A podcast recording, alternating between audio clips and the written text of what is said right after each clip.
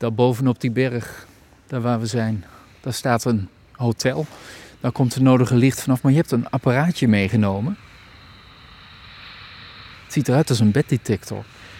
Ja, ja, dat is het ook. Die heb ik uh, meegenomen omdat het uh, vanavond toch nog behoorlijk warm is. het is, ja, het is een graad of 13. En kijk, dan komt er net toevallig een vleermuis voorbij ook. Dat is wel grappig. Dat, dat getik, dat is een vleermuis. Ja, dat is een vleermuis die uh, is een meester in het oriënteren uh, in de nacht. Ze, kunnen, ze maken korte pulsjes. En met die pulsjes kunnen ze precies horen waar ze zijn. Hè. Ze, ze, ze maken een klein tikje en dat uh, op een geluidshoogte. Wat komt er weer een? In de verte. heel zachtjes. Um, wat wij niet kunnen horen, maar die vleermuis wel. En uh, ja, die vleermuis die luistert naar de echo's van die kleine tikjes. En daardoor weet hij precies uh, waar die is. Want die, die, straalt een signaal uit of die geeft een signaal af, maakt een geluidje. Of dat, en dat komt weer terug. We horen dat geluidje überhaupt niet, dankzij dit apparaatje wel. Maar eigenlijk door hoe dat terugkomt, hoe snel dat terugkomt, kan dat een beetje inschatten van zo ziet mijn omgeving eruit. Echolocatie heet dat, hè? Ja, nee, zo is het helemaal. Nou hebben we alleen in Gelderland al meer dan tien verschillende soorten vleermuizen, geloof ik. Weet je welke soort dit dan is? Ja, dit is gewoon een gewone dwergvleermuis. Dit is een, uh, een, een beetje een... Uh, uh, een soort van trendvolger in de zin dat hij heel goed weet om te gaan met onze menselijke omgeving. Um, ze, ze vliegen relatief snel, zijn ook heel bewegelijk en zijn daarom ook niet zo vreselijk bang voor predatoren. En daardoor uh, durft deze dwergvleermuis ook te jagen in de buurt van licht. En je kan je natuurlijk voorstellen dat een vleermuis die eigenlijk heel langzaam vliegt, uh, ja, moet opletten dat hij niet al te zichtbaar is. Dus dat hij niet al te, al te zeer zich in het licht vertoont. Maar daar heeft deze vleermuis dus geen last van. Die is wendbaar genoeg. Als er een uil of een ander roofdier aankomt, dan, dan, dan maakt hij zich wel uit de voeten. Ja, precies. Dat is in elk geval wat iedereen denkt. en ja, er zijn reden genoeg om dat ook aan te nemen. En het heeft nog een bijkomend voordeel. Kijk, daar komt er weer een.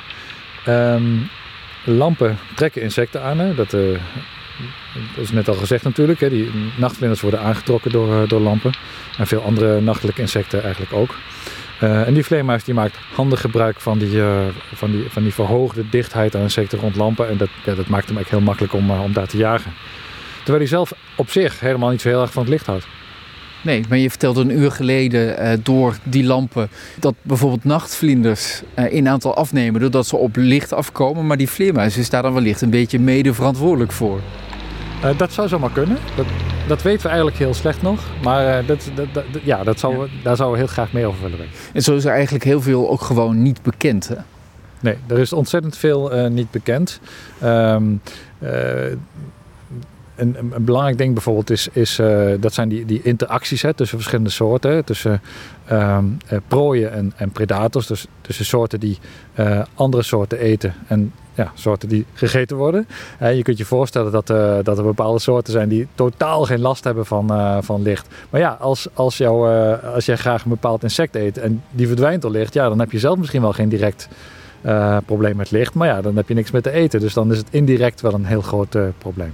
En wat we ook niet zo goed weten, dat is dat, um, uh, dat is hoe bijvoorbeeld bepaalde ritmeverschuivingen werken. Dus, dus, dus ons, ons dag- en nachtritme en het dag- en nachtritme van dieren, dat kan verschuiven als gevolg van licht. Hè. Dat, dat, dat dag- en nachtritme, dat, elk organisme dat, dat, die, die stelt het dag- en nachtritme keurig af op de, ja, op, op het licht s'nachts en het duisternis.